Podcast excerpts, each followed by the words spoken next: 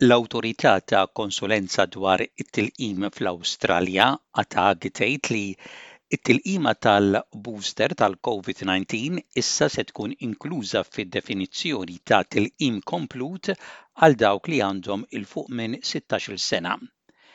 Id-deċiżjoni ta' ATAG tħabbret mill-Kabinett Nazzjonali. Għalkemm din id-deċiżjoni hija intenzjonata għal l-użu fl-Awstralja, xi Premiers tal-Istati fl-Awstralja diġà qed jindikaw li tista' tiżdied għal dawk li jivvjaġġaw l-Awstralja minn barra. Il-grupp ta' konsulenza dwar it-tilqim fl-Awstralja ħabbar li issa meta tgħid li tkun imlaqqam kompletament ifisser li tkun ħadt it-tliet dożi, jiġifieri l-ewwel żewġ dożi u l-booster. Waqt li l-pjan huwa li dan ikun bilfors għal l-użu biss fl-Awstralja, Hemm tħassib li xi Stati jistgħu jżidu l-booster bħala obbligatorju wkoll għal vjaġġaturi barranin. Il-Premier ta' Victoria, Daniel Andrews żied li jista' iżid din il-booster bħala xi ħaġa ta' bilfors anke għal dawk li jivvjaġġaw minn barra minkejja talbiet mill-operaturi tat-turiżmu li dan jista' jiskoraġġixxi u jgerrex lit-turisti u hekk dbati l-industrija lokali tat-turiżmu. I want everyone to get three doses and I'll do nothing that would make it less likely that people who live here get three doses. But let's try and have a consistent approach and we're not going to see Victoria dis dis disadvantaged. fi New South Wales tħabbru bidliet fi żjajjar fl-isptarijiet li jippermettu lill-għeżież ta' dawk li jkunu qegħdin fl-aħħar ta' ħajjithom li jkunu jistgħu jżuru u jaraw lill-għeżież tagħhom. Iż-żjajjar fl-isptarijiet pubbliċi fi New South Wales ilhom restritti minn Diċembru minħabba l-pandemija.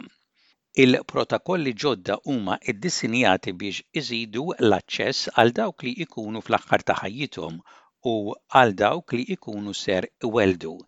Il-Ministru tas-Saħħa Brad Hazzard jgħid li l-kura u l-kompassjoni dejjem kienu kkunsidrati. That care and compassion has to extend to the immediate patient who a visitor wants to see, but also care and compassion to the broader hospital community to keep them safe. So there's a balancing act here, but uh, I'm satisfied that the new guidelines being issued today to the 400 health facilities and the 170,000 health staff across the state are as good as they can be for this moment. Fi Queensland, l-uffiċjal ewlieni tas-saħħa, John Gerrard jemmen li nofs il-popolazzjoni tista' tkun infettata bil-virus sal-aħħar tax-xahar. Huwa jgħid li fil-Gold Coast, żjajjar minn dar għal dar fl-ittestjar tan-nies instab li minn għaxra sa għoxrin fil-mija biss ta' dawk li kellhom test pożittiv fil-fatt kienu jafu li kellhom il-Covid. So the number could be as much as five to ten times what we're actually reporting. So I think it's our original modelling suggested that up to 50% of the Queensland population uh, could be infected with this virus by the end of February, and I think that's very credible. U f'Western Australia, il-Premier Mark McGowan jgħid li għalkemm jibqa' tal-fehma li jittardja l-ftuħ tal-fruntiera, jagħraf il-bżonn li jissapportja lill-industriji li jiddependu mill-ivvjaġġar u għalhekk ħabbar għajnuna ta' 77 miljun dollaru. It's a shot in the arm for businesses and organisations in international education, tourism, aviation and the events sectors, some of whom are doing it tough. Nine targeted programs which are designed to support cash flow and help offset some of the additional costs or lost revenues in these sectors.